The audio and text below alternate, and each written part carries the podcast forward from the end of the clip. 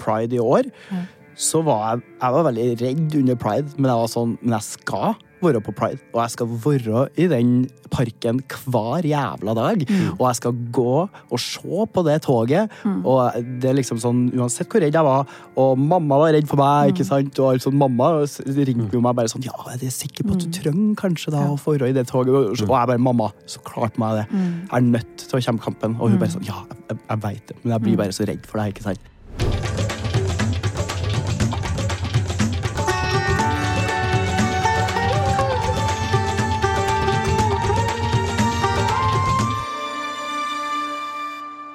Hei, jeg heter Abid Raja. Og jeg heter Nadia Ansar. Du, Nadia. Vi to kjenner hverandre jo veldig godt. Vi har jo faktisk vært gift i over 20 år. Og det er først nå vi har funnet ut at vi skal lage podkast sammen. Og den skal handle om følelser. Ja, og hvorfor akkurat om det? Lurer du faktisk på det, Abid? Nei, du, egentlig ikke. Jeg, jeg drev egentlig bare og tenkte på hvordan vi skulle lage en sånn fin overgang til de som hører på. Eh, Jeg tror folk har fått med seg at vi er jo litt mer enn gjennomsnitt opptatt av å snakke om følelser. Derfor skal vi invitere forskjellige mennesker som vi er nysgjerrige på, til å komme hit og snakke åpent om følelsene sine. Målet er jo sammen bli flinkere til å både gjenkjenne og håndtere både egne og andres følelser. Rett og slett gjøre både Norge og verden til et mer følelsesvennlig sted. Det er litt av et eh, verdensprosjekt, altså. Ja. Skal vi bare sette i gang, eller? La oss gjøre det. Denne podkasten er laget i samarbeid med Apotek 1.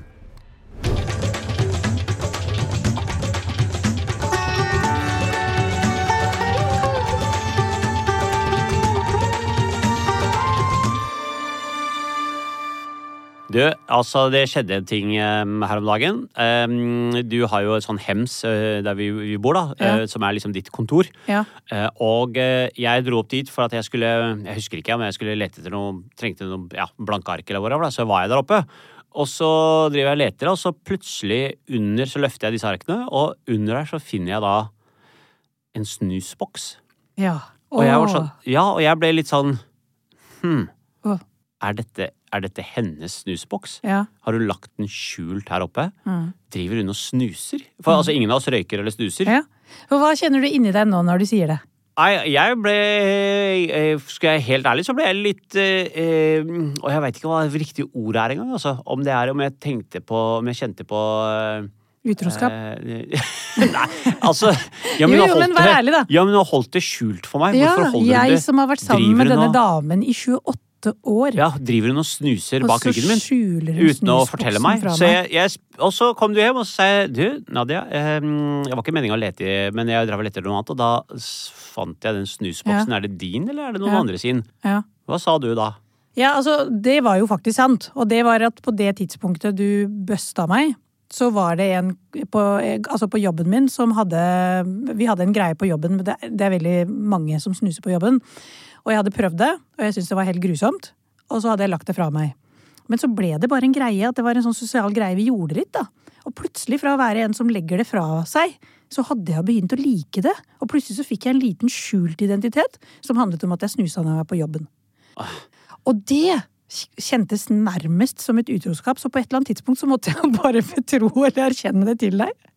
Husker du det? At du driver og snuser Ja.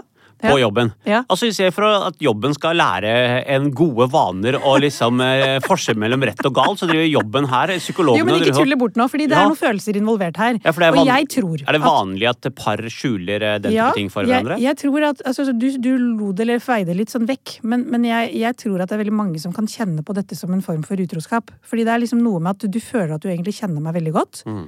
Og du føler at du kan stole på meg. Og samtidig så har vi jo blitt kjent med at du har en del av deg som er egentlig litt sånn redd.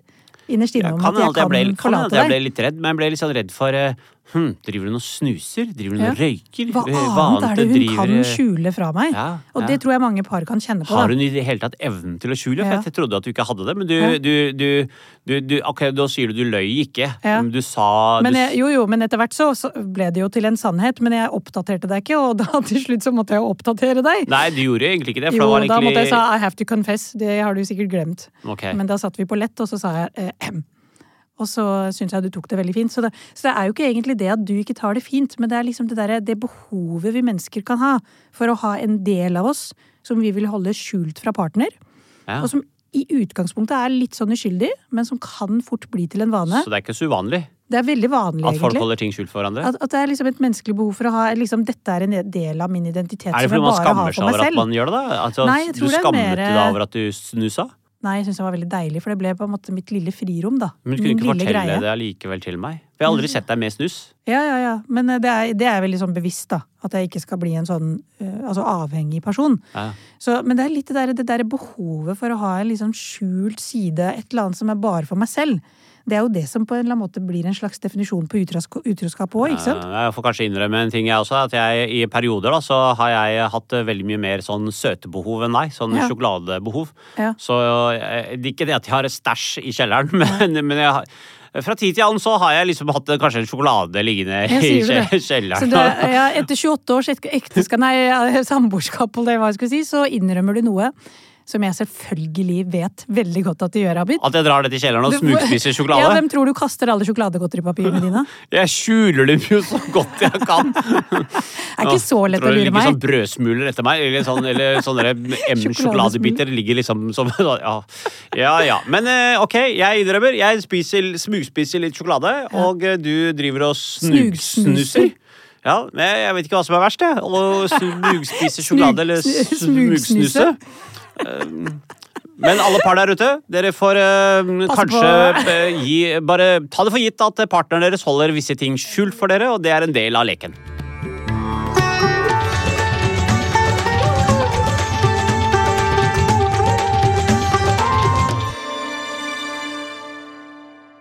De aller, aller fleste vet jo hvem Viktor Sotberg er, men jeg tar noen stikkord allikevel. Altså, Viktor er YouTuber med helt sinnssyke 150 000 abonnenter. Stort forbilde for svært, svært mange mennesker. Eh, programleder for eh, FlippKlipp og Dusørjegerne, og vært deltaker i alt fra Skal vi danse, Forræder, gitt ut to bøker. Veldig, veldig travel og viktig fyr, med andre ord. Eh, men nå er du her, og hjertelig velkommen skal du være, Viktor. Tusen hjertelig takk. Og når du kom inn her, så sto jeg opp så ga jeg deg sånn stor klem. Og sa jeg takk for sist og sånn. Ja. Og så kom jeg på noe. Vi har jo egentlig ikke møttes. For ikke vi møt- ordentlig. Nei, for når vi møttes, så var jo du dragen og jeg nissen. Ja, Det var jo koselig, det også. Ja, for da var vi Maskorama-deltakere. Maskorama, ja. ja, ja. Men, men jeg føler jo at fordi vi har delt den opplevelsen sammen, så har vi på en måte, så kjenner vi hverandre litt Ja, ja. Da har vi liksom kjennskap og ja, ja. Det var litt gøy, var det ikke det? Jo, herregud, det var kjempeartig og kjempeskummelt. Og Visste du at eh, jeg var nissen? Nei.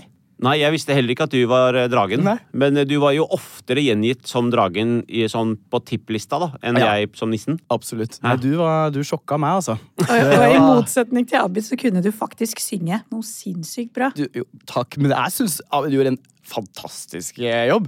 Jeg, jeg tenkte at å nei, nei, nei, det her, her er en sanger. Tenkte jeg, det her kan Nei, det gjorde du ikke. Nei, det jo, jo. I hvert fall i starten. Ja. ja, ja. ja. Herregud, du, sang jo kjempebra. Ja, det jeg var litt- syns det. Jeg det synes det var var litt av et egentlig kompliment, mer gøy på bakrommet før vi kom om bord. For Ja. jeg gikk jo inn i nisserollen som sånn tullenisse. Ja. ordentlig, Så jeg gikk rundt og boksa på andre folk og sånn. Ja. Jeg vet ikke om jeg boksa, Jo, jo. boksa jo litt vi på deg òg. boksa litt, eh, vi også. Ja, ja. Jeg boksa mye på han uh, snømonsteret. Snømonsteret, ja. Han holdt jeg på å takle. Og se på, på, på, sånn, så det var jævla morsomt. Det var kjempeartig. Jeg skulle jo være han der veldig sånn cocky, store, maskuline, kule dragen, som absolutt ikke meg i det hele tatt. Så jeg, det, jeg skulle jo være litt for too cool for school, liksom. Så det var gøy. Vi hadde veldig forskjellige roller. Ja, det var veldig ja, Egentlig var det et veldig bra program. Altså, Jeg husker eh, den jula, da. Eh, Etterpå så eh, var jeg på sånn kjøpesenter, og det var et sånt barn som sto og så på meg. Da hadde jeg kommet ut av Da hadde jeg blitt rett ut av maskara. Da hadde jeg liksom Ja. blitt avslørt, da. Eh, Og, og han ungen så på meg, og, og, og, og så sier han til meg Jeg har vært veldig snill i år. Får jeg julegave? Og pappaen hans og jeg bare wow! Så barn den perioden der gikk rundt og tenkte at jeg var Ja. nissen. Ja. Julenissen, liksom. Ja. Åh, det er søtt, da.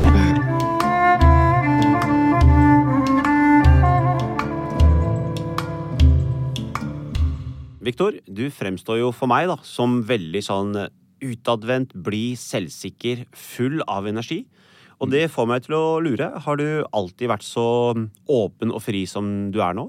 Eh, nei, det kan jeg nok ikke si. Jeg har vært veldig mye sånn usikker opp gjennom eh, oppveksten. Og vært eh, Altså, til og med nå kan jeg jo Jeg kan jo være også dager nå hvor jeg ikke er så sjølsikker og glad å bli hele tida. Eh, men jeg prøver jo så godt jeg kan å, å vise på en måte optimisme og, og få folk til å føle seg trygge og glade rundt meg, da. For det betyr veldig mye for meg eh, å være sånn. Men det betyr jo ikke at man er sånn 24-7. Ja. Og jeg har i hvert fall ikke vært det før. Jeg var en veldig usikker eh, ungdom eh, i oppveksten min. Uh, Så hvordan, hvordan var du hvis du skulle liksom vært flue på veggen og sett Viktor i barne- og ungdomsskolen? Hvordan var han? Altså På barneskolen så vil jeg si at jeg var kanskje litt lik. Ganske sprudlende, veldig sånn mye Energisk, energi og ja. ville henge med alle. Jeg ville kanskje mest henge med jenter, da, fordi at jeg Ja. fant mest eh, fellesskap med dem og syntes det var mye mer interessant det de gjorde, enn guttene som sparka fotball liksom, dag inn og dag ut. Det var Så liksom litt sånn ikke- naiv og godtroende, Ja. og, og litt sånn energisk og vital, ser jeg for meg, da. Ja, og, og, og liksom, Folk hadde ikke så mye imot egentlig på barneskolen. Det var liksom sånn, det var noen gang guttene kunne kaste fra seg en liten sånn ah, 'Du er Victoria fordi du henger med jentene og ikke oss guttene'. ikke sant? Det kunne de slenge kunne ut. du få litt sånn stikk Ja, av litt sånn i ga stikk da mobbinggata. Men det var ikke så ille. Jeg tenkte ikke så veldig mye over det, egentlig. Jeg var litt sånn, så nei, herregud, jeg bryr meg ikke hva du tenker. Jeg, jeg er vennene mine her, eller venninnene mine her. Så du var litt stolt og litt sånn hadde nok sånn motstandskraft, da. Ja, å kunne egentlig stå da hadde jeg det. Eh, Ja. For da, da var jeg jo også Jeg, var jo, jeg hadde jo nye jentekjærester hele tida og var veldig glad i alle og sånt, så Mm. Ja. det følte meg veldig bra, og jentene likte meg, og det Ja. var hyggelig, på en måte. Så Jeg se- ser for meg at jenter liker deg. Ja. Det, jeg har ikke noe problem med å se det. Og gutter òg, og gutter òg, for den saks Ja, skyld. sant? Det er Så, så det, var liksom, det var sånn det starta. Ja. Og så var det noe som skjedde som gjorde at det endret seg. Ja, altså jeg kom jo på ungdomsskolen når alt skal skje på ungdomsskolen. ikke Ja. Tenårene, pubertet, og man skal finne seg sjøl, og man skal begynne å pynte seg, man Ja. skal begynne å liksom se bra ut hele tida og være flink i alt. og Ting endrer jo seg når man begynner på ungdomsskolen. Absolutt. Og altså, for meg så starta det ganske fint. Det var ganske fin overgang fra barneskole til ungdomsskole. Det, var- det virka som at jeg ble nesten enda mer populær på ungdomsskolen. Eh, fordi da var jeg en av de første guttene som ordna meg på håret og styla meg litt, og det ble, jentene likte det ganske godt. da. Så du fikk mye oppmerksomhet, Ja. Og du testa mye ut hva slags, hvem er jeg? På en måte Hvilken Ja. identitet, hva er det jeg kjenner meg igjen i? Ja. Og fikk mye sånn positiv oppmerksomhet øh, og en slags belønning knytta til det. Absolutt. Men det stoppa ganske fort, fordi eh, guttene var ikke så fan. okay. Av at jeg gjorde alt det her, og kanskje også fikk oppmerksomhet fra eh, jenter og sånt. ikke? Og spesielt de eldre guttene. da. Det var okay. en god del gutter på min egen alder også, så klart. Og da begynte på en måte egentlig slitet på ungdomsskolen for meg, for da begynte bare alle guttene å eh, liksom gå sammen og skulle begynne å mobbe meg og, og få meg til å føle meg dårlig, og få også andre, tror jeg, til å se litt mer ned på meg, da. Eh, Fy søren, altså. Det, det er forferdelig. Altså, Det gjør vondt i sjela å høre. For det er noe med den der gruppementaliteten når alle bestemmer seg å ta deg, gå mot deg. Så Mm. Absolutt. Så står du der og er kjempesårbar. Og det er helt umulig å kunne beskytte seg fra det som en ung gutt som det du var. da. ja. Og nesten sjokk òg. Sjokket er også vanskelig, for det er bare sånn Oi, herregud, hva skjer nå? Overgangen Hva, fra- ja, hva skjer nå når jeg hadde det så fint her Ja, nå, og så bare ja. plutselig bare boom! Ble det liksom bare helt brutt ned, ikke sant. Søren, altså. Og da ble det jo. Mm. plaging dag inn og dag ut på skolen, da, ikke sant? som bare bygger opp mer og mer frykt og redsel. Og, Mm. og etter hvert så bare begynte jeg å gjemme meg mer og mer, og, og, og, og jeg tok av meg alle de fargerike klærne. Jeg fjerna det energiske, liksom glade uttrykket jeg hadde, Mm. til å bli mye mer dystert, til å bli mye mer sånn sint og sur. Prøvde å gjøre meg sjøl til liksom så godt jeg kunne, så maskulin som mulig som jeg kunne. Fordi det de mobba meg med også, var jo liksom jævla homo, hvorfor er du så femi, og hvorfor skal du gå sånn, hvorfor snakker du sånn, hvorfor Alt, De pirka alt på hvordan jeg var som et menneske, ikke sant?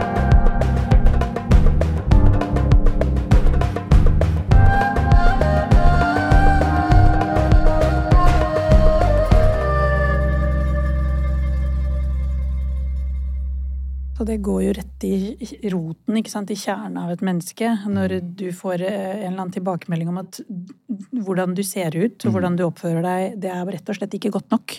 Du passer ikke inn. Ja. Og kanskje er det den største skaden ikke sant, som mobbingen faktisk utsetter deg for. At du begynner å internalisere det budskapet og begynne å tro på det. At da er det kanskje noe gærent med meg. Mm. Ja. Og så begynner du å endre for å tilpasse deg. Fordi at du trenger flokken din ikke sant, for å overleve. Mm. Ja. Så hva er det du trenger? Ja, da prøver du å liksom gi avkall på din identitet. Mm.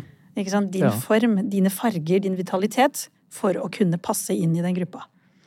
Det er så Det er brutalt. Sant? Det- så ja, det er hele på en måte individet viskes bort litt. Da. Så er det jo vanskelig òg. Skal begynne å fjerne alt det man sjøl er, på en måte. Søren, for å passe inn i Ja. den gruppa. Hvordan sånn, kjennes det ja, når du er, når du er flue på veggen nå og ser tilbake på Viktor? Det er veldig rart å tenke på, for at nå er jeg sånn ah, nå skal jeg, nå vil, jeg kunne aldri ha tenkt meg å ha gjort noe sånn nå, og endre meg på noen sånn måte, eller eller forske ned om noen skal bestemme Ikke faen om noen skal få lov til å ta meg, Fy flate, flate, ingen skal få lov til å bestemme over meg. liksom. Ja, så nå blir jeg sånn sint over det. Bare sånn, Prøver noen seg nå, så blir jeg Ja. sånn Nei, fy flate. det er liksom rett tilbake. Men hva kjente Viktor da, når du ser på han nå? Når han var i, i den situasjonen? Uh, nei, jeg tror han bare var veldig redd hele tida.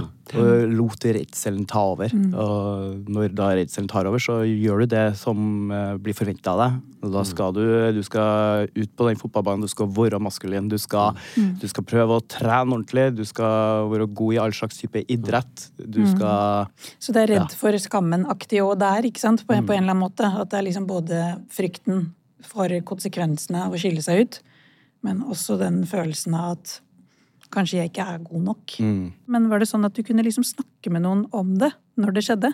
Var det noen du kunne gå til? Jeg hadde ei bestevenninne, Uh, hun er fortsatt uh, bestevenninna mi den dag i dag. Uh, som på en måte, og hun var også bestevenninna mi siden barnehagen, så hun har liksom vært med meg hele livet. Hun kunne jeg liksom betro meg til, og hun kunne på en måte eh, Vi snakka kanskje ikke så mye om mobbinga fordi det var en såpass stor skam rundt det, så jeg ville liksom aldri snakke om det. Men hun var der for meg hele tida.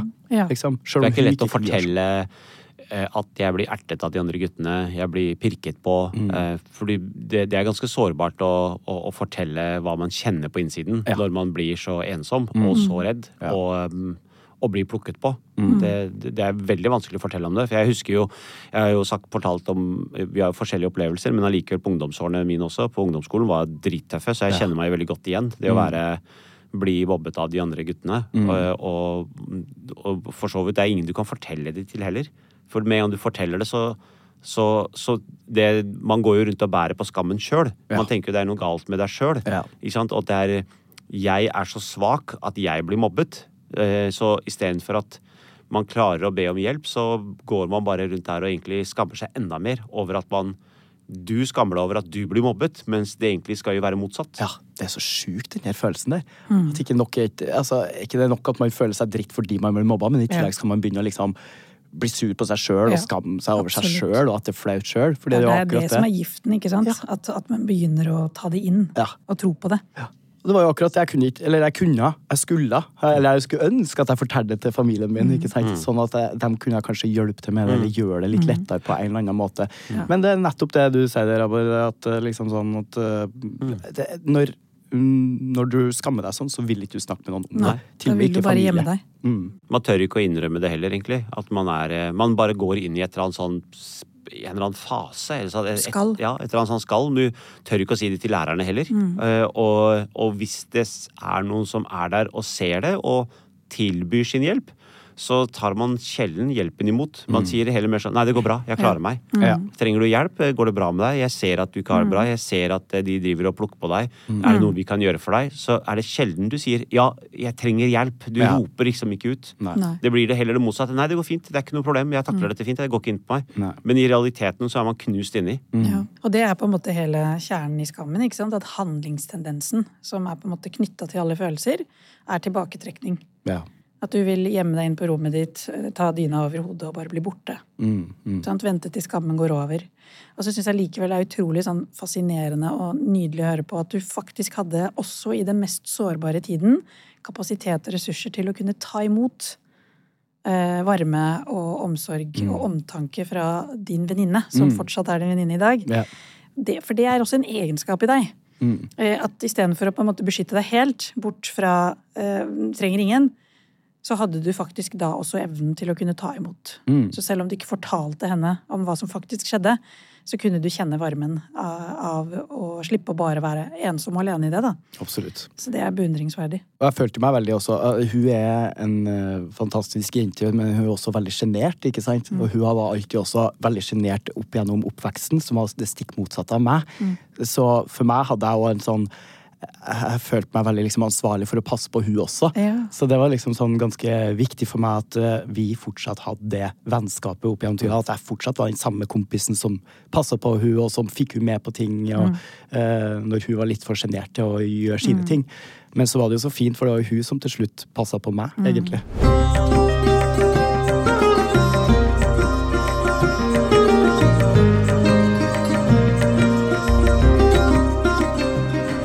Blir så glad å høre at, eh, Åh, at du har hatt en sånn varm person i livet som, som har vært der, og, og du har vært der for henne. Mm. Fins det kanskje ikke noe sånn vendepunkt for deg ut av denne situasjonen som du har vært i på ungdomsskolen, men er det allikevel noe du kan se og tenke, legge ord på som hvor vendepunktet kommer? Jeg tror liksom to store vendepunkter egentlig. Det var når jeg begynte på videregående og fikk litt mer venner som eh, Og, og egentlig mine første ordentlig gode kompiser. Og det vendepunktet når jeg kom til folkehøyskolen. for da møtte jeg mennesker over hele Norge ikke sant? som var forskjellige alle sammen. Da møtte jeg lesbiske, bifile og folk fra andre land. og Det var liksom sånn, det var så deilig å komme til et sted hvor det var litt mer mangfold. da, rett Og slett. Og det tror jeg nok var det største vendepunktet i livet mitt. Hvor jeg bare forstår at herregud, ja, jeg var i den der lille bobla under ungdomsskolen, hadde det vanskelig. Nå har den bobla sprukket litt når jeg kommer litt ut i verden. Når jeg møter jeg faktisk alle slags typer At det er mennesker. rom for forskjellighet. Ja. At det er ok. Man feirer det. Man Ja. feirer forskjellighet, liksom. Nettopp. Og det var bare helt fascinerende for meg. Mm. At det var noe som kunne feires og ikke bli sett ned på. Ja. Du sier jo noe om vendepunkt, eh, som er utrolig viktig. Eh, og, og hvordan er det det landa hos deg, det med å kunne se så, mangfold og forskjellighet? Eh, hva gjorde det med din egen følelse av at det er noe galt med deg? Den eh, forsvant ganske Ikke momentant, så klart. Altså, man har jo alltid man sliter. Det sitter jo ganske lenge og ganske tett. Men, men jeg bare følte meg så sykt mye mer liksom, åpen og fri i løpet av det året på den folkehøyskolen. Hvor det bare var sånn, Jeg ble bare kjent at på en måte Folkehøyskoler er fantastiske ting. Altså. Mm. Gleden bare kom tilbake. Og jeg husker Det var liksom det beste året i mitt liv, og det tror jeg har mye med akkurat det. At jeg begynte å gi, liksom, gi slipp Gi på det der ja, skammen over at jeg var så annerledes fra alle andre. Ja. Jeg, bare sånn, jeg ble bare så lykkelig, og jeg husker siste dagen på folkehøyskolen. Så jeg, jeg har aldri grenet så mye i mitt liv som den siste dagen på folkeskolen for da var jeg sånn Nå er det her året over. Men livet ble jo bare bedre etter det. Men det var jo bare et liten sånn springbrett til å få livet til et bedre sted, på en måte. Men det var bare så vanskelig å gi slipp på det trygge liksom, livet med så mye flotte mennesker som Ja. Og det forteller jo også noe om hvor sårt du trengte den følelsen av fellesskap. ja. At, at jeg, det holder ikke at jeg bare på innsiden min aksepterer meg for hvem jeg er. Jeg må også bli akseptert i den flokken. Og der må det være rom for forskjellighet. ja. Du sa det var to vendepunkt. Ja, det var et lite vendepunkt også på videregående, for da fikk jeg mine første beste kompiser, på en måte. Og jeg føler jeg lærte mye av det vennskapet med dem, for jeg var liksom ikke så veldig vant med å ha gode, gode guttekompiser eh, som liksom banterer med hverandre og kødder med hverandre og sånne ting.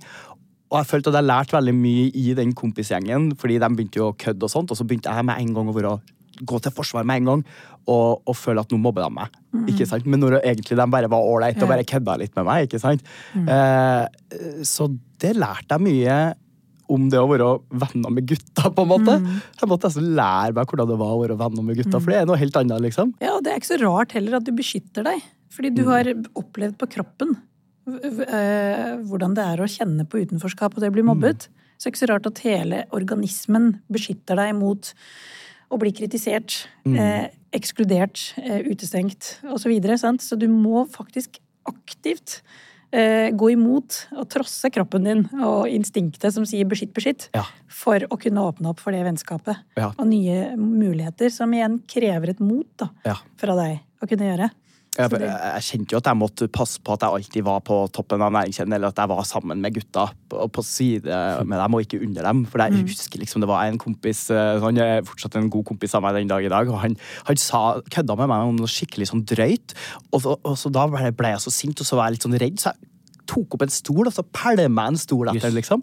For jeg bare, nå skulle jeg liksom vise at du kødder ikke med meg, liksom. Nei. Det var en sånn, veldig sånn rar periode akkurat i den, eh, Ja. den perioden der. Hvor jeg For da prøvde testa du ut en ny side ved deg. Ja, det var Som er sånn, hva, hva, hva gjør du når ingen andre beskytter deg? Da må, Ja. Du må stå opp for deg sjøl. Ja, ja. Selvfølgelig bruker du sinne Ja. for å si 'ikke faen, ikke prøv deg'. Mm. Hvordan var det?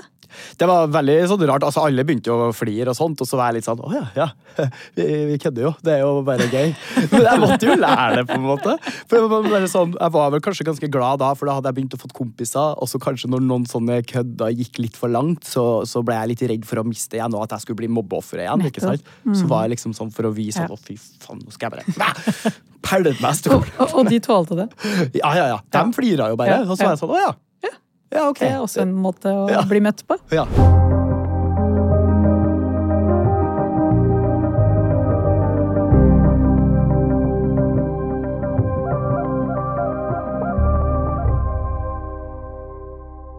Du, Nadia. Vi har jo en sponsor i podkasten. Og ikke en hvilken som helst sponsor. Vi har nemlig fått med oss Apotek 1 på laget. Og det er vi skikkelig stolte av. Det er jo en eh, helt perfekt samarbeidspartner for oss. De er opptatt av veldig mange av de samme tingene som oss, som eksempel åpenhet og det å ufarliggjøre det som er flaut eller tabubelagt. Kort og godt å vise omsorg. Og at fysisk og psykisk helse, det henger jo sammen. Nettopp. Og det er jo akkurat det vi jobber for i i denne podkasten også. Det er godt for helsa å snakke åpent om følelser. Og nettopp derfor er denne podkasten laget i samarbeid med Apotek 1.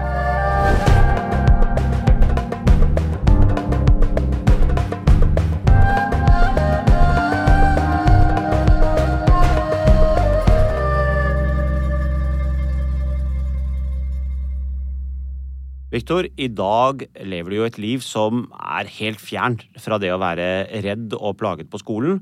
Med en fin kjæreste, eh, programlederjobb, egne prosjekter, masse abonnenter på YouTube. eh, Og så lurer jeg jo da likevel på, har livet blitt slik du hadde håpet på? Både ja og nei, vil jeg vel egentlig si. Altså, herregud, Jeg lever jo på en måte drømmelivet som jeg aldri trodde at jeg kunne leve når jeg gikk rundt på ungdomsskolen og hadde kjipt. på en måte. Jeg hadde aldri trodd at jeg kom til å havne her. Men det er jo fortsatt masse greier som jeg skulle ønske var bedre. Altså, jeg har det jo kjempebra med kjæresten min, og jeg er kjempeglad i kjæresten min. Og jeg er stolt over det vi har, og, og forholdet vårt. Eh, Men, eh, men fortsatt så må jeg jo si at det er Jeg, syns fortsatt at det er vanskelig å bare vise public affection med kjæresten min. Liksom være offentlig kjærlig med han. Ja, for at du er ikke sant, altså du er åpen eh, bifil Ja. og er i et forhold med en med samme kjønn. Ja. mann. Ja. Mm. Og bare det å gå hånd i hånd med kjæresten min syns jeg er ekstremt vanskelig, og det er noe jeg syns er skikkelig synd. Fordi jeg fronter jo veldig Ja. pride og, og alt det her veldig godt. Føler jeg, og jeg prøver det hardt, og det er en viktig kampsak for meg. Men likevel, bare det å ta kjæresten min i hånda ut på gata, er noe jeg rett og slett ikke klarer. Hvorfor det? Det er liksom Det blir Bare det at jeg vil vise han litt kjærlighet, blir sett på som en sånn eh, politisk statement, rett og slett. Nettopp. At, at det blir tillagt Ja. en del meninger og holdninger som, som gjør at du blir redd for hva folk syns Ja. om deg. og hva folk tenker, og hva folk og bare sånn, Jeg bare, jeg, jeg bare veit at folk har en mening om det, uansett. Og Enten bare om det er et stygt blikk, eller om det er bare liksom, folk som ser ekstra på deg fordi at du bare holder kjæresten din i handa. Det blir bare, det blir for mye for meg. Jeg er bare sånn, jeg, jeg vil bare Noe som bare skal være mellom oss to, skal plutselig Ja. være å handle om alle statement. andre rundt, rundt oss. Ja. Eh, og bare én stygg kommentar eller bare ett liksom, stygt blikk er nok til å kan liksom, ødelegge resten av uka mi. på en måte. Så det er alt fra de som er sånn eh, Hvorfor skal han gå rundt og leie eh, typen sin? Altså, Hva er det han prøver å vise, demonstrere? Mm. Ja, ja. Til mobbing, skjellsord. Til de som ikke liker homofile. Ja. Til de som tenker at ja, men det er greit at du er homofil, men må du gå Ja, rundt og må du vise må du det sånn? det? Mm. Og alt det blir du allikevel Selv om du vet, siden du går i pride og Mm. er så åpen, du vet at eh, du skal egentlig bare drite i alt det, Mm. men det er helt umulig å drite i alt det allikevel. Du Ja. blir påvirket av det. Ja. Og dermed kan man si at skammer deg litt over det, eller? Ja, jeg vil jo si at det er en slags skam. Det blir jo det. Utenom at jeg vil eller ikke. Fordi jeg sier jo hele tida at jeg er stolt over det. Men på en måte når jeg ikke klarer i mitt liksom personlige, private liv, når jeg ikke klarer på en måte å holde kjæresten min i handa, så, er det jo en slags skam knytta til Sånn, det. det en- det litt, liksom, jeg kan jo kjenne meg igjen, jeg har jo vært veldig åpen om min egen skam også. Sånn, Så den her varheten for andres blikk på meg, hva er det de andre ser eller syns om meg nå? Det er jo en sånn oversensitivisering som skjer av eh, at du har vokst opp og fått en del kritikk og fått en del tilbakemeldinger på utseendet identitet, eh, den type temaer. Så den blir man jo ikke helt kvitt, ikke sant? Nei. Så det gjør jo at du går rundt, og så er det liksom som du sier, at et blikk fra et annet menneske kan ødelegge dagen min. Det er ganske sterkt. Mm. Jeg kjenner gåsehud i hele kroppen når du prater om det. Det Ja. forteller litt om at den giften på en måte som, som andre påfører deg gjennom den mobbingen, den blir du på en måte ikke helt kvitt, ikke sant? Mm. Den, den blir liggende der som på en eller annen måte forteller deg at du er eh, ikke god nok. Eh, Du er annerledes. Mm. Du skiller deg ut. Eh, De andre syns ikke du, det du er, er bra nok. Mm. Eh, Og så blir man også flau over å være en person som er så ressurssterk, ikke sant? Så på den ene siden, så intellektuelt sett, så Ja. vet du at du har ingenting å skamme deg over. Ja.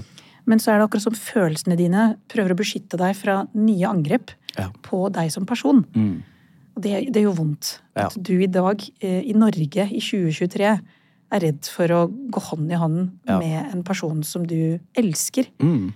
Eh, og det er jo noe som både jeg og Abud kjenner oss veldig igjen i. For vi begge har jo vært åpne om dette med forbudt kjærlighet og hvor vondt det er. Og vi har jo hatt våre andre grunner da, til å ikke gå hånd i hånd på Ja. gata. Ja. Eh, ikke turt det. Ja.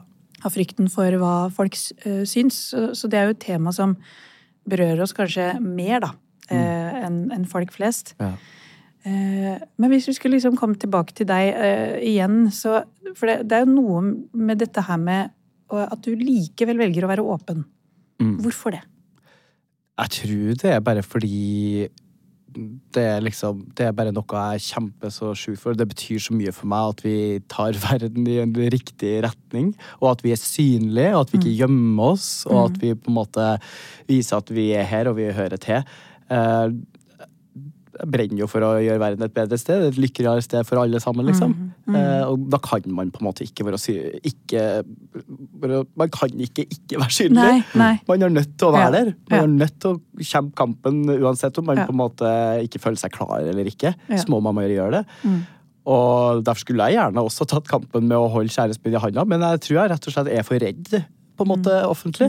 Man, man blir for redd for å bli, at noen plutselig skal begynne å skade meg og kjæresten min Mm. også. Det vil jeg jo heller ikke. Tenk deg det. Å gå rundt og være Mm. redd for det. For det, det er også litt sånn, sånn hvilke konsekvenser det har for deg i hverdagen. Mm. Er det andre type eksempler du har på hva du gjør av eh, forhåndskalkuleringer, eller for å unngå å, kritikk eller kommentarer fra andre? Mm. Altså, eh, ja, først og fremst så jeg og kjæresten min er jo bare liksom uh, offentlig glad i hverandre heim i liksom trygge omgivelser. Eh, det er jo én ting. Og hvis at jeg har på meg klær faktisk fortsatt en dag i dag, hvis jeg har på meg klær som kanskje blir sett på som litt for feminint for en gutt å ha på, så har jeg det som oftest på under noen store jakker eller noe sånt for å Yes. det.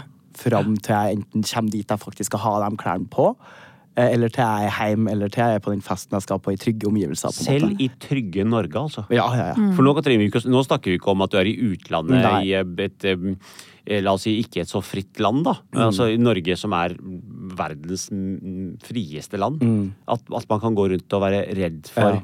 Reaksjonene og skamme seg over det.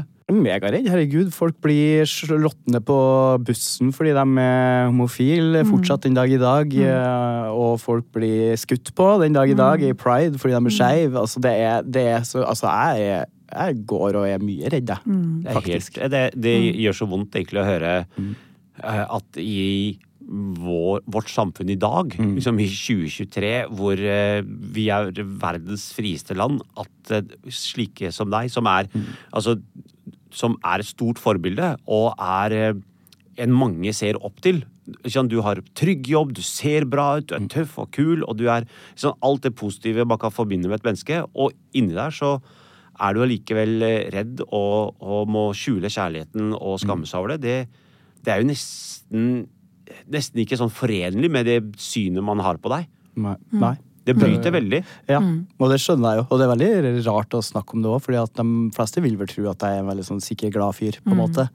Men eh, nei. Det er, det er eh, Det- også en attitude eller en maske da, man Ja. lærer å ta på seg. Ja. Sant? Men det er jo ofte jeg er ikke redd, og det er jo det. Det er jo Ja. mange ganger jeg er lykkelig. Jeg er jo lykkelig og glad, men jeg bare virkelig kan kjenne på den frykten. Og som for eksempel i pride i år, så var jeg, jeg var veldig redd under pride, men jeg var sånn Men jeg skal være på pride, og jeg skal være i den parken hver jævla dag. Og jeg skal gå og se på det toget, og det er liksom sånn, uansett hvor redd jeg var, og mamma var redd for meg, ikke sant, og alt sånn, mamma ringte jo meg bare sånn, ja, er du sikker på at du trenger kanskje da å være i det toget? Og og jeg bare, mamma, så klart meg det. Jeg er nødt til å kjempe kampen. Og hun bare sånn, ja, jeg, jeg vet det, men jeg blir bare så redd for deg, ikke sant? Kjenner du det når du prater? Ja, Ja. ja, ja. I magen. Jeg, jeg, Ja, jeg, jeg kan det kjenne det. er liksom, du tenker sånn, Hvis du går rundt i dag i 2023 i Norge og er så redd, hvordan er det å være Viktor i utlandet? Ja, der må jeg også gjøre mine preparasjoner, for å si det sånn. Aha. Jeg og kjæresten min må alltid passe på at vi drar til et land hvor vi kan føle oss trygge, hvor vi kan ha det bra. Og ikke bare land, men også hotell. Bare sånn at ikke dem som jobber på det hotellet ser på oss og bare sånn Skal dere ha samme rom? Skal dere ha den her Oi. queen size-beden sammen, liksom? Og mm. Uh, mm. ha noe mot det. Eh, det er mange land jeg ikke reiser til. Yes. Uh, det er liksom ehm, Vi har nesten gjort det litt sånn nå at vi har dratt til, til der det er pride nå hvert år til ferie. Bare sånn at vi føler at vi er i en sånn trygg trygg. omgivelse med masse folk. Ja, Ja. Vi kan gjemme oss, vi kan være en del av det samholdet. Du kan dra til en trygg stat i USA og være fri, men kanskje ikke til en stat som uh... Ah, fy flate. Det er så mye som skjer i USA nå at jeg tør, jeg tør, ikke, jeg tør ikke å dra dit heller. Nei, nei. Herregud, bare Florida, liksom. Det er jo helt crazy. Jeg blir livredd. Ja. Og at til og med liksom USA, land of the free, liksom. At til og med dem, altså dem var derfor jeg tok det eksempelet. For at vi tenker jo at eh, USA er eh, ikke sant, fritt overalt, men selv for eh, Altså Det er forskjell på å være i California og være i Texas. Altså Ja. det vil være for, Men nå snakker vi ikke engang om eh, kontroversielle land. Altså ja, såkalt alle arabiske land, for Ja. eksempel. Men også mange, mm, eh, mange andre land som har veldig vanskelig syn på, på homofile. Absolutt. Mm. Kan- tenk så- så mye planlegging og så mye kapasitet og ressurser du bruker hver dag Ja. for å sørge for å være trygg. Ja. Og ha det norske passet, som er altså inngangsporten til hele verden, Mm. og ikke kunne benytte seg av det fordi du vet på, når du lander på andre sida, så vet du ikke hvordan du kommer til å bli tatt imot. Ja, ja. Nei, det Vi må tenke på sånt, ass. Det er kjipt, ass. Ja, det er veldig kjipt, og jeg tror nesten ikke jeg har tenkt over det så mye før vi snakker om det, Ja. nesten. For det, nesten har vært, det har jo blitt en hverdagens selvfølge. At ja, ja, det, det På et vis Og, så tenker jeg at han, han har det egentlig eh, Jeg skal ikke sammenligne ting, men altså Jeg holdt på å si verre. For vi, Ja.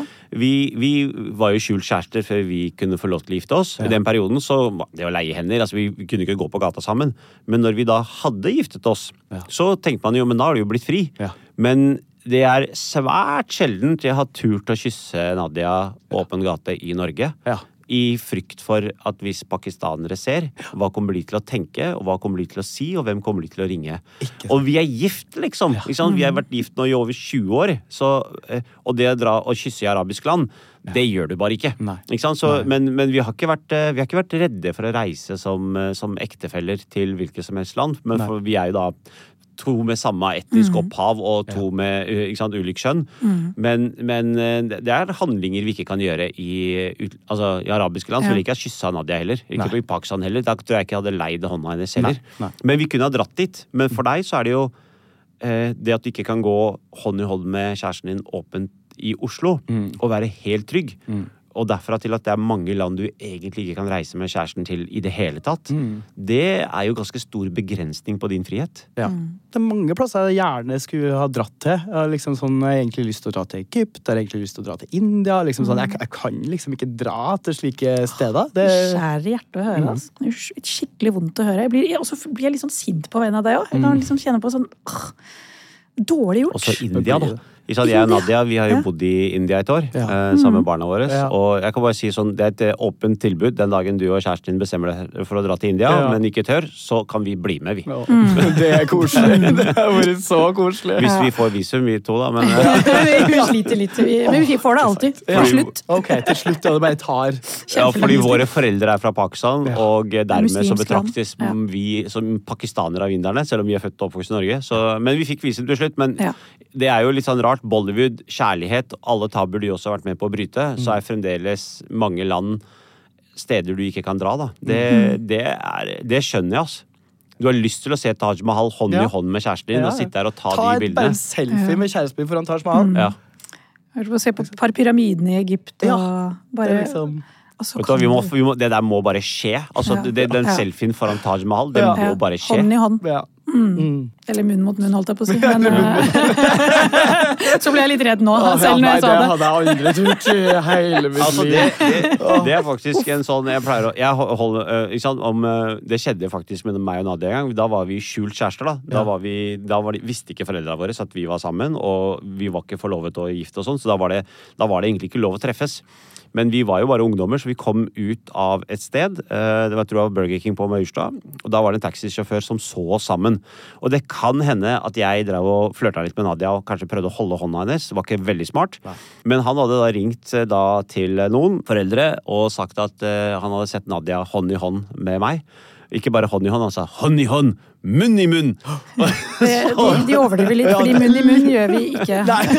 ikke på den tiden. Nei, ikke Så selfie foran Taj Mahal, det tror jeg kommer til å gå bra. Kanskje hånd i hånd også, men munn i munn vil jeg ikke Nei, anbefale. Eh, munn i munn.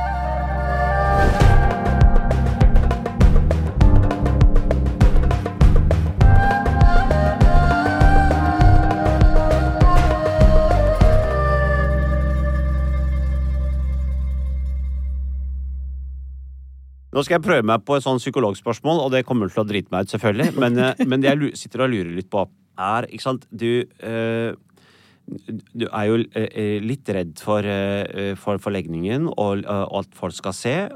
og man skammer seg også da Ikke nødvendigvis over legningen, det, det tør jeg nesten ikke å spørre om engang. Altså. Men, men det kan jeg kanskje spørre om etterpå. Men man skammer seg over å være redd. Mm. Jeg er redd. Jeg, Du skammer deg over å si at du er redd. Og så begynner man etter hvert å kanskje til og med skamme seg over å si at man skammer seg. I det Ja. hele tatt. Mm. Skjønner du hvor jeg vil hen? Prøver meg på. Jeg tror det. Ja. For at jeg kan skjønne at jeg, når jeg skammer meg for å være redd, så syns jeg det er skamfullt i det hele tatt å innrømme Ja. at man skammer seg. Ja. Hvor er du i den skamme... I den skammespekteret. Ja. Hvor er du hen? Nei, jeg tror jo jeg også Man vil jo aldri Man vil jo også det ja, Det blir jo en skam over å skamme seg, for man skal Ja. ikke skamme seg og man Nei, skal ikke være nei. redd. Det er liksom sånn, det, det er sånne følelser man egentlig ikke skal kjenne på, fordi når man føler på det, Ja. så er man plutselig ikke like sterk så, og, som man alltid skal være Du i det som her. er den rollemodellen, ja. Viktor. Ja, ja, ja.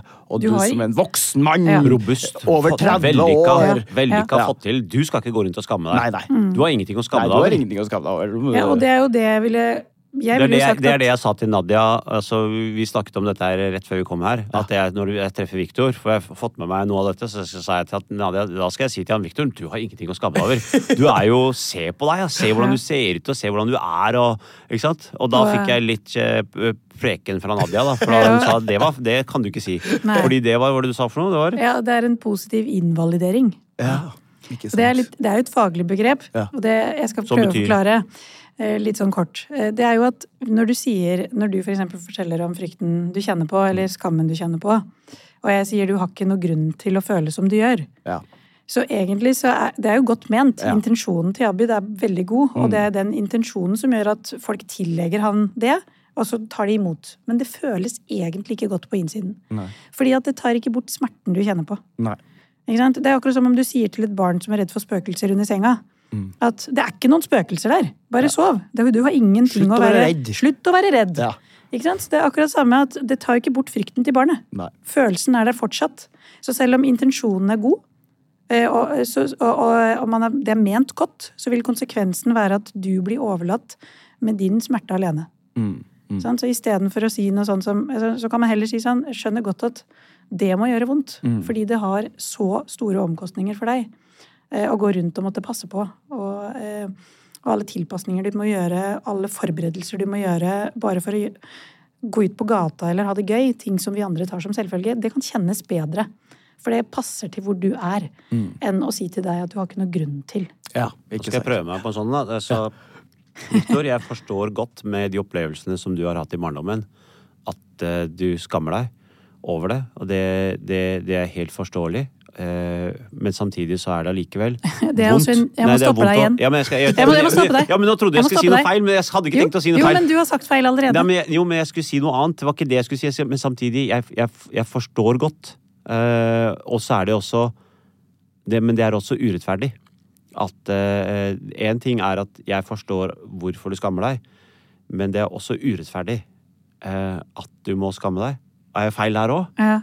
Nei, det er ikke noe, det er ikke Nei, noe nå krise. er jeg- er ikke- jeg ikke jeg var så langt unna nå. Det er ikke noe krise. Okay. Du kan jo kjenne etter. Hvordan, hvordan kjentes det ut Jeg for deg? på å si at, det jeg holdt på å si, er at, eh, er at eh, jeg, jeg forstår godt at du skammer deg med de opplevelsene du har hatt i barndommen, for jeg kjenner på det sjøl.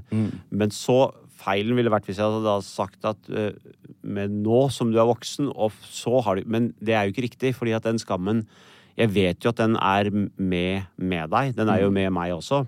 Og så gjør det vondt faktisk å virkelig høre at at man skammer seg kanskje til og med over legningen, og, og over å være åpen, og man ikke kan være det i sitt eget land, i verdens frieste land, og at til tross for at du, vi er så heldige at vi er født med det norske passet som gir oss inngang til en hel verden, ingen land nekter oss å komme, så er det mange land du bare rett og slett ikke kan reise til, fordi du kan ikke være fri og åpen med kjæresten din. Det, det gjør eh, jeg er også glad i å reise, og det, jeg tenker, det gjør skikkelig vondt å tenke at en stor del av verden er lukket for deg på den måten. Ja. Og det, sånn kan vi bare ikke ha det. Nei. Nei, absolutt. Men det skal i hvert fall sies at jeg har aldri hatt noe skam overfor Eller jo, når jeg var ung, var- hadde jeg en skam overfor legningen min når jeg ikke visste noe mer, men skam over legningen min, det finnes ikke. Nei. det er jeg så er sjukt stolt over. Ja. Og jeg elsker legningen min og jeg alt på jord. Herregud, Ja. det å kan elske alle mennesker på planeten, det er bare det beste Det som finnes. Ja. Eh, men, men det er bare redsel av å vise det. Vise det, ja. Mm. Det er bare, jeg er bare redd for hva, hva folk kan gjøre med meg når jeg eh, viser det offentlig. Men ikke skam, bare redsel. Det jeg kjenner, er en sånn når du sier sånn Jeg er stolt, så kan jeg kjenne at det er ekte. Mm. Og det er jo det som Stolthet er jo motvekten Ja. til skam. Ja.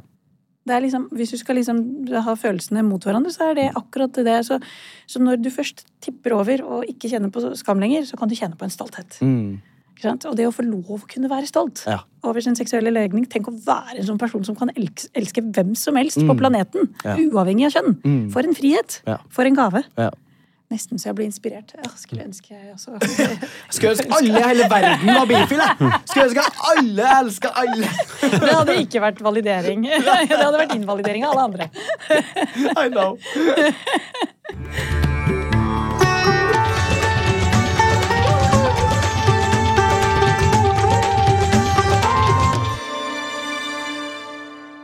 Ja, nå nærmer vi oss eh, slutten på denne episoden her, og da skal vi over til vårt faste punkt, Nadia. Ja, for det du får ha foran deg her nå, det er eh, en bunke med spørsmål. Eh, Og da skal du få lov å trekke et kort.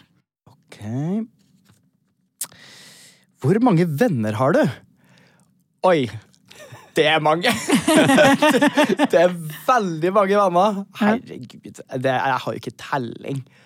Det er ekstremt mange venner. Jeg er veldig heldig som har så mye fine mennesker rundt meg. Så mye flotte, flotte, gode venner. nå. Jeg er på et veldig godt sted i livet nå hvor jeg har veldig mange gode venner rundt meg. Nettopp. Så du, sånn, du hadde ikke klart du, å telle de på fingrene? Var ikke noe vits å begynne å ta fram fingrene. Det der jeg gir opp før jeg starter. Ja, det var Rob, og det var Chris, og det var Maren, og det var Nei. nei det, Det er, ikke, det er ikke noe å lure på. Hvem er det du kan gå til hvis du har det vanskelig? Du har mange du kan ringe mange til. jeg kan gå til. Mange Ja. jeg kan ringe. Hvor mange som du har hatt lenge, da? Absolutt, og også folk som jeg ikke har hatt like lenge. Det er sånn, Jeg blir fortsatt overraska den dag i dag at jeg kan treffe mennesker som er bare sånn ah, Så blir vi bare så glad i hverandre. Mm. Hvor vi møtes på lik, eh, likt sted, og så et helt nytt, godt bekjentskap. Mm. Kanskje det henger litt sammen med at du har mye kjærlighet å gi til andre også? At du får kjærlighet tilbake? Kanskje det. Og et eller annet med at det har vært noe sånn, det er noe sånn helhet da, som jeg syns er så fint, med liksom hvordan du var som barn. Sprudlende glade, som hadde tillit til verden. Som Åpner verden med sånt naivt eh, sinn, da. Eh, og så opplever noe veldig dystert som er veldig tyngende, som på en måte prøver å knekke deg helt. Så reiser du deg opp igjen, og så er du fortsatt der i dag at du har den åpne tilliten til verden. Mm, Eh, som gjør at du etablerer så gode vennskap, da. At du har mange venner rundt deg. absolutt. Det er jo på en måte flott å høre at du ikke har latt den delen av Viktor få lov å være i deg, ta plass, og blomstre, da, på den måten. Absolutt. Det er litt sånn apropos Maskorama, som vi snakka om helt i starten. eh, Rise like a phoenix. Mm. Det var det som var hele poenget med den, at man reiser seg fra asken igjen etter man har dødd, på en måte. Som en føniks. Så det blir den neste tatoveringa mi. Ah, det blir en føniks. Føniks. Mm. Og vi er også nå venner. Ja. Og det vi gleder oss til, Viktor, det er at eh, på et tidspunkt skal du og din kjæreste reise til India. Ja. Og i bagasjen skal vi to være med. Ja, ja. Tusen, tusen takk for at du kom, Viktor. Virkelig, virkelig herlig å ha deg For med. meg. En herlig opplevelse å ha deg her. Takk.